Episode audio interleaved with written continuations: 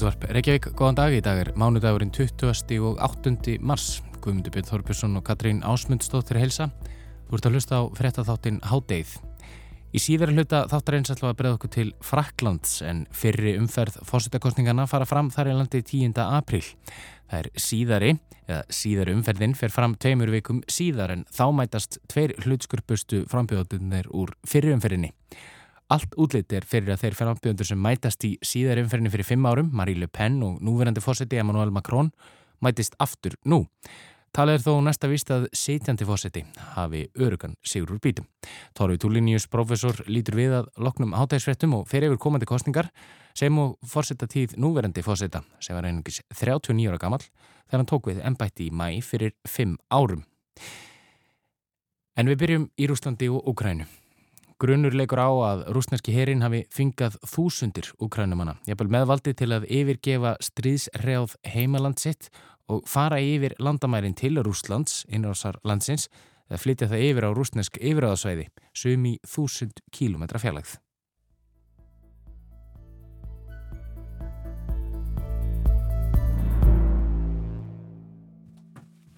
Úkrænsk stjórnvöld hafa um nokkurt skeið ásakað rúsa um nauðungaflutninga og segja stöðuna alversta í borginni Mariupol í sunnanverðri Úkrænu, einni mikilvægustu hafnarborg landsins.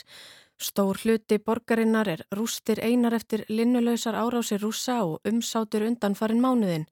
Innrásaliðið hefur látið sprengjum, flugskeitum og stórskotarhýð rigna yfir borgina og engu hlýft, hvorki íbúðakverfum, sjúkrahúsum niður nokkru öðru, ekki einu sinni almennum borgurum sem hafa margir látið lífið í árásum þeirra.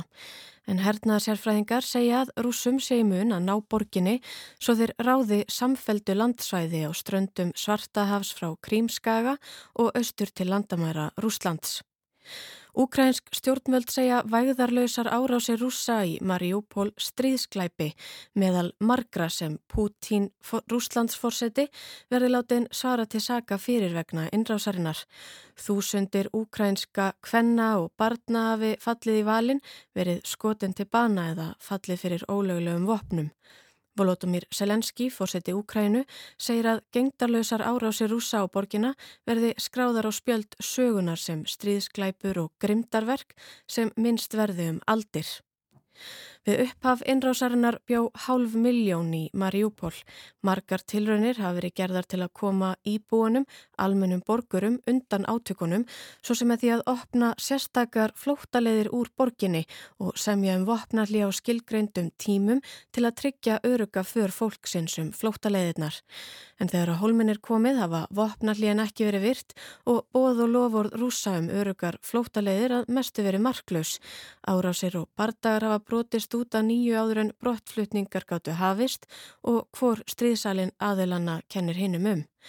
Þá hafa bóðum rúsa um tryggar útgöngulegðir oft fyllt skilirði um að leiðirna liggi til Rústlands, Kvítarústlands eða svæða sem eru á valdi rúsa sem úkrænsk stjórnvöld segja algjörlega óásættanlegt.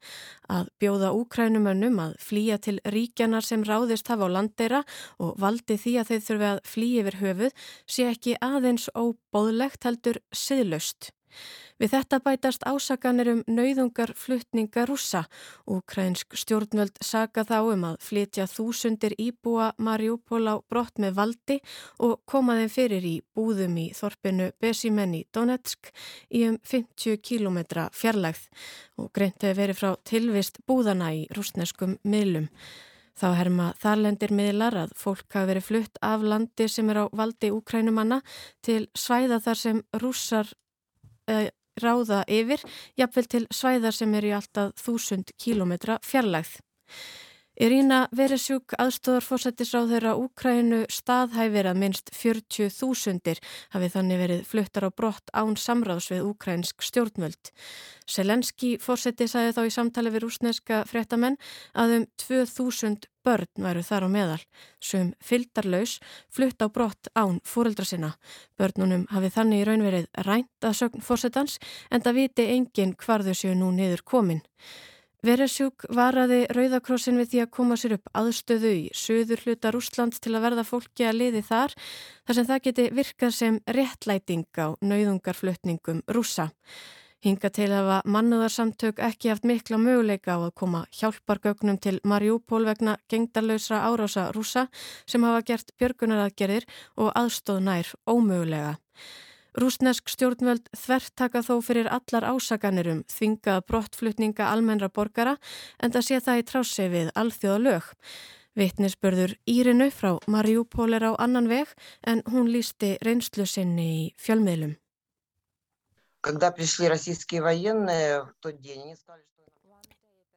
Írina segir að daginn hafi rúsneskir hermenn skindilega komið í skíli þar sem hún var á samt fleira fólki og sagt að þau erðu að yfirgefa það strax. Byggingin stæði í ljósum logum. Þau hefðu farið að fyrirmælunum og fyllt hermönunum um 6 kílometra að borgarmörkunum undir stöðugri skotríð. Þar voru þeim gefnir valkostir eða kannski öllu heldur afarkostir. Þeim sem áttu ættingja í Rúslandi bauðst að fara þangað á eigin kostnað.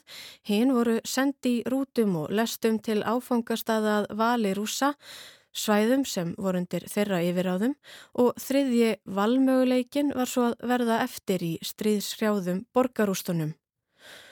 Um 100.000 manns eru enn í Mariupol þar sem sprengjum rignir enn þrátt fyrir að borgin sé nánast rústir einar og aðstæður skjálfilegar. En í ljósi aðstæðna hafa úkrænsk stjórnvöld sagt að ekki verði opnaðar flóttaleiðir fyrir almenna borgara í dag. Hættan sé einfaldlega of mikil og líkur á að fólkið komist óhullt á leiðarenda eða komist yfir leitt á leiðarenda og litlar í ljósi aðgerða rúsa og upplýsinga frá úkrænsku leinithjónustunni. Nýlega var svo greint frá því að sífelt fleiri úkrænumenn flýðu landið sjóleðina til Rúmeníu. Frá því á laugardaginn er talið að um 600.000 manns hafi komist úr landi þá leiðina, engum konur og börn, samkvæmt upplýsingum frá saminuðu þjónum. Á sunnudaginn lagði eitt slíkt skip frá söður hluta Úkrænu að Bryggju í rúmenska bænum Ísakea með um 100 manns innanborðs. Sjónarvottar sem buðu fólkinu upp á mat og drikki við komuna sögðu að ferðalöngunum hefði augljóslega verið létt að komast í höfn. 34 ára kona sem var um borð á flóta frá borginni Kersson í söður Úkrænu með börn sín tvö sæði að matveruverslanir hefði verið gal tómar þar síðan á laugadaginn, bókstaflega ekkert í hillunum. Mannúðarkrísa ríkti nú í borginni og ástandið væri farið að líkjast því sem er í Mariupol.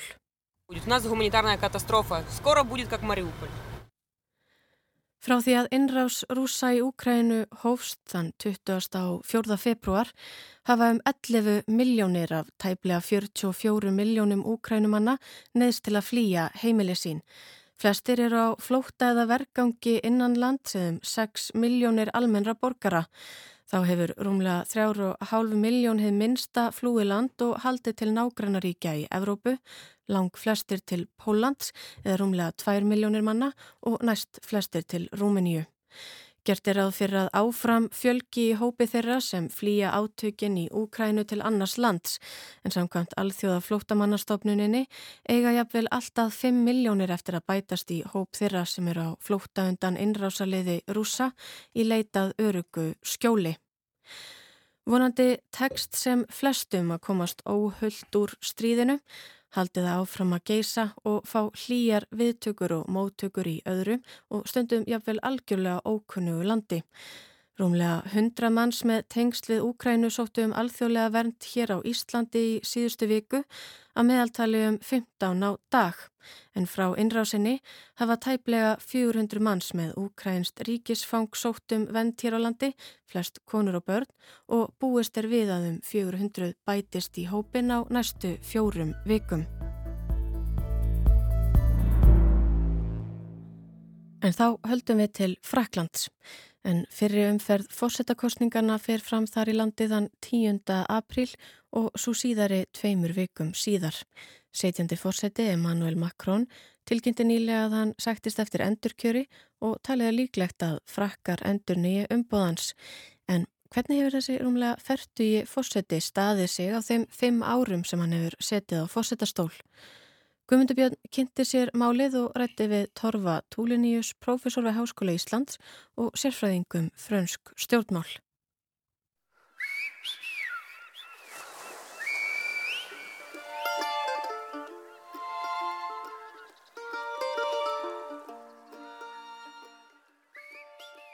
Þegar Emmanuel Macron komst til valda og tók við ennbætti Fraklandsfósita þann 14. mæ 2017 var hann ekki enn orðin færtur en það fættur í desember 1977. Hann verður því 45 ára í áslokk og öllum líkindum þá enn fósiti Fraklands gangi skoðanakannanir eftir. Il existe un endroit où les hommes parlent comme Í skoðanakönnunum sem byrtust nú rétt fyrir helgi mælist Macron með um 28% fylgi. Þjóðurnis populistin Marie Le Pen sem mætti Macron í síðar umfært kostningana fyrir 5 árum mælist með 21% en aðrir frambjöðundur mun minna. Ég rætti við Torva Túliníus, professor við Háskóla Íslands og sérfræðingum fransk stjórnmál fyrir skömmu og spurði þann út í fósettatíð Macrons. Hvernig vegnaði þessum yngsta fósetta franska líðveldisins á síni fyrsta kjörtjómubili? Það er verið eftir að segja að það hefur verið rán aldarinnar fyrir, fyrir ofnum uh, tjöldum þarna 2017.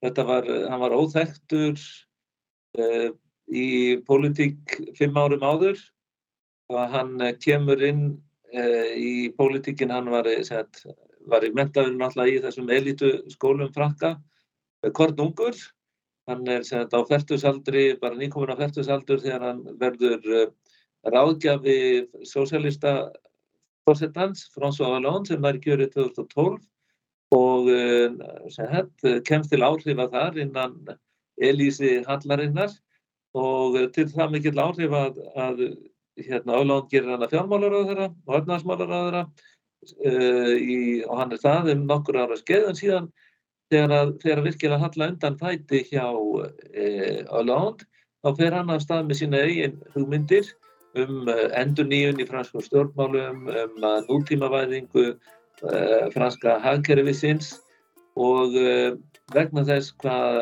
hvað Hollande hefði gengið illa að halda sínu fólki saman í sósíalistunum þá treystir hann sér ekki til að gefa kost á sér aftur 2017, sitjandi fórsetin þó hann hefði rétt á því að eh, bjóða sig fram til setna kjörtíðanbilsins og Macron fer þá fram, er í raun og veru búin að tilkynna um að hann ætli að fara þarna fram og næra svolítið að splundra vinstrivagnum með svona tilbóði þar sem hann vil vera bæði til hæri og vinstri.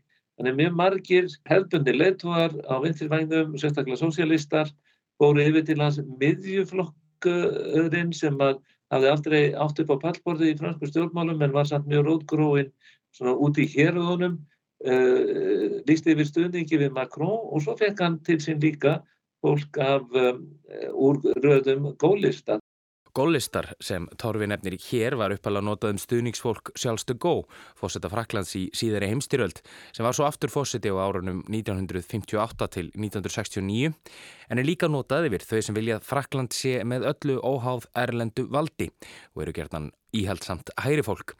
Þannig Macron tókst þarna fyrir fjórum árum að vera frambjöðandi miðjunar, vinstri miðjunar kannski, en nærað samina yngaða síður hæri og vinstri. En svo verðist sem að Macron hafi að einhver leiti ofmetið stöðu sína, segir Torfi Túlinius. Kosið er til fósetta á fimm ára fresti í Fraklandi og kosið milli tveggja efstu frambjöðandra. Í fyrri umferðinni, fyrir fimm árum, náði hann rétturumlega 20% kostningu og fór þá gegn Marie Le Pen, frambjöðanda hæri populista. Macron náði því góðu kjöri en ef maður horfir til niðurstöðu fyrri umferðarinnar var fylgið ekki eins gott og þó svo hann hafi unnið þingkostningar sem fylgdu í kjölfarið og fengið tröstan meiri hluta á þinginu virtist stöðningurinn meðal þjóðarinnar ekki mikill. Hann fyrir á stað með mjög metnafull hérna, eh, áallunum að eh, nútímavæða franska efnaðskerfið og byrjar á því að afnema eh, skatta á ríkafólkinu og, og að breyta því þannig að það var ekki, skatt, ekki lengur skattlagður eða ofurskattur á egnir í formi hlutabref og fyrirtækja en uh, hins vegar uh, var skatturinn endur hugsaðar þannig að hann var lagður frekar okkur sem átti mikið af fastegnum og jörðum og, og þess aftar. En uh, þetta var strax frekar óvinnsælt að hyggla ríka fólkinu svona og síðan þegar eitt og halvt ári liðið af kjörtífabilinu þá fær hann í andlitið þessa uppreist gulverstunga. Gulvestungar. Þannig sé langt sem við hefum heyrt þetta orð en þau voru í fréttum næstum daglega fyrir rúmum þremur árum. Chile Jeune eða Guluvestin eru mótmælarheiming sem mótmælti Makrón og stefnu hans reglulega frá því oktober 2018 og voru kent við gul endurskinsvesti mótmælenda. Í upphafi voru mótmælin gegn nýjum eldsneitisskatti sem stjórn Makróns höfðist setja á, en fljóðlega tóku þau á sig mun breyðari mynd og hafa almennt beinst gegn háum lifnaðarkostnaði, hárið skattbyrði verkastetta og lágum launum í Fraklandi. En Makrón hafði þá brúðist við nattrætni hlínun og lofurðum frakka til Parísarsamkommalagsins með því að leggja herri skatta á eldsneiti.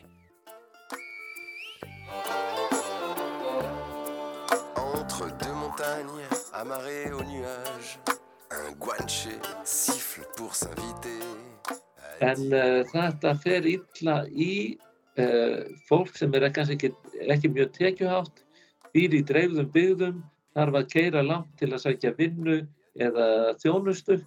Og þetta var fólkið sem að klætti sig í gulu vestin og uh, kom sér fyrir á hérna, hérna á ringtorpum, á umferðar hérna, eh, miklum göttum og vegum og stöðaði umferð til að mótmæla þessum skatti. Og þetta var það mjög mikill í reyfingu e, fólk sem hefði, hefði ekki áður látið að sér hveða í stjórnmálum og hafði mjög mikil áhrif á ákvæðan stjórnmál.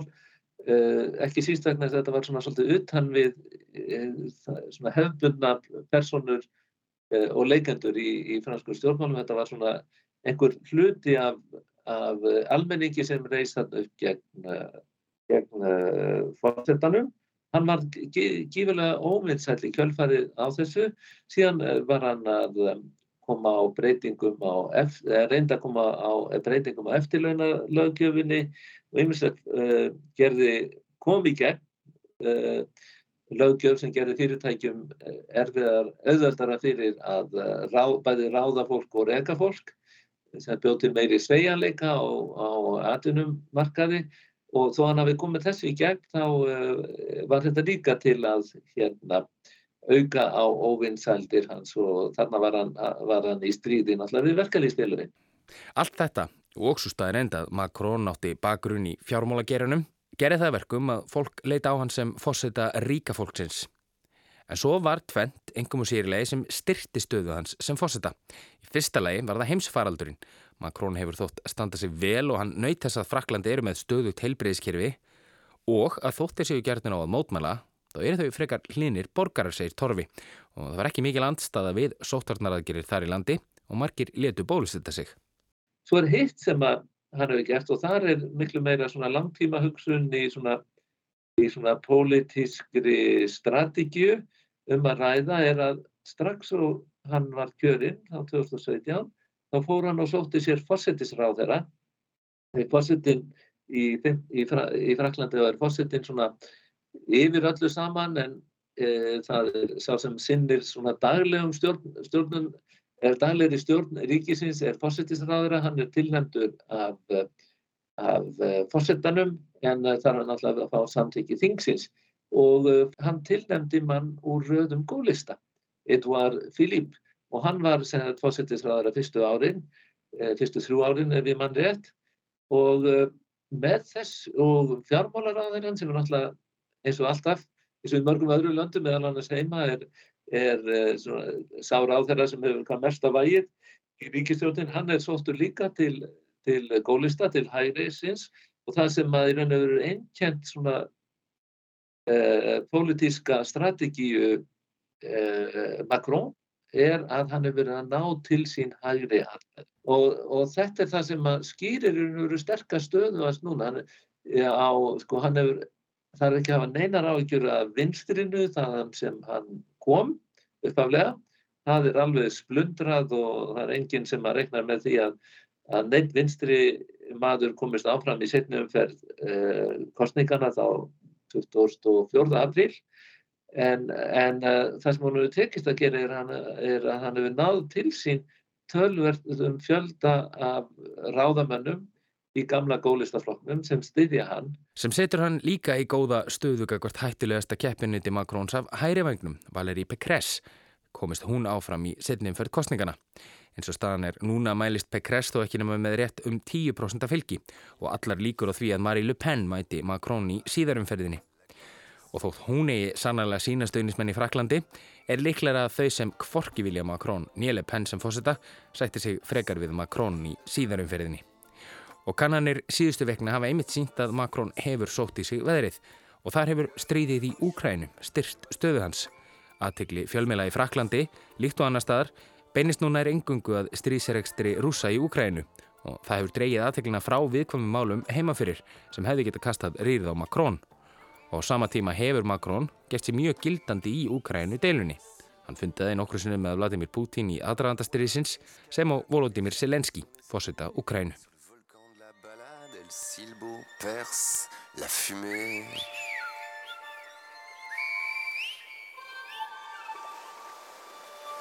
Voilà, petit géant, prêt à siffler dans le vent.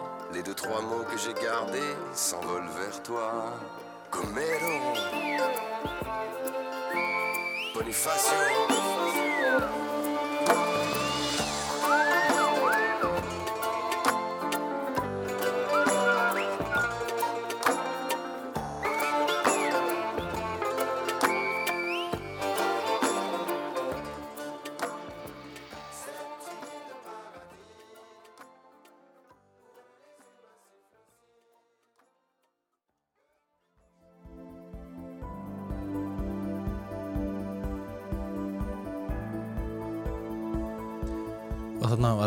Torfa Túlinius, professor við Háskóla Íslands og sérfræðing í frönskum stjórnmálum um komandi fórsetakostningar í Fraklandin. Fyrirumferðin fer fram þann 10. april næstu komandi. En hádegið er á enda í dag, við verum hér aftur á sama tíma á morgun. Þátturinn er einnig aðgengilegur í spilaranum og hlaðvarpsveitum og líka allir hinnir og þá er þetta að senda okkur post með ábendingum á netfangið hádegið hjá rúf.is. Verðið sæl!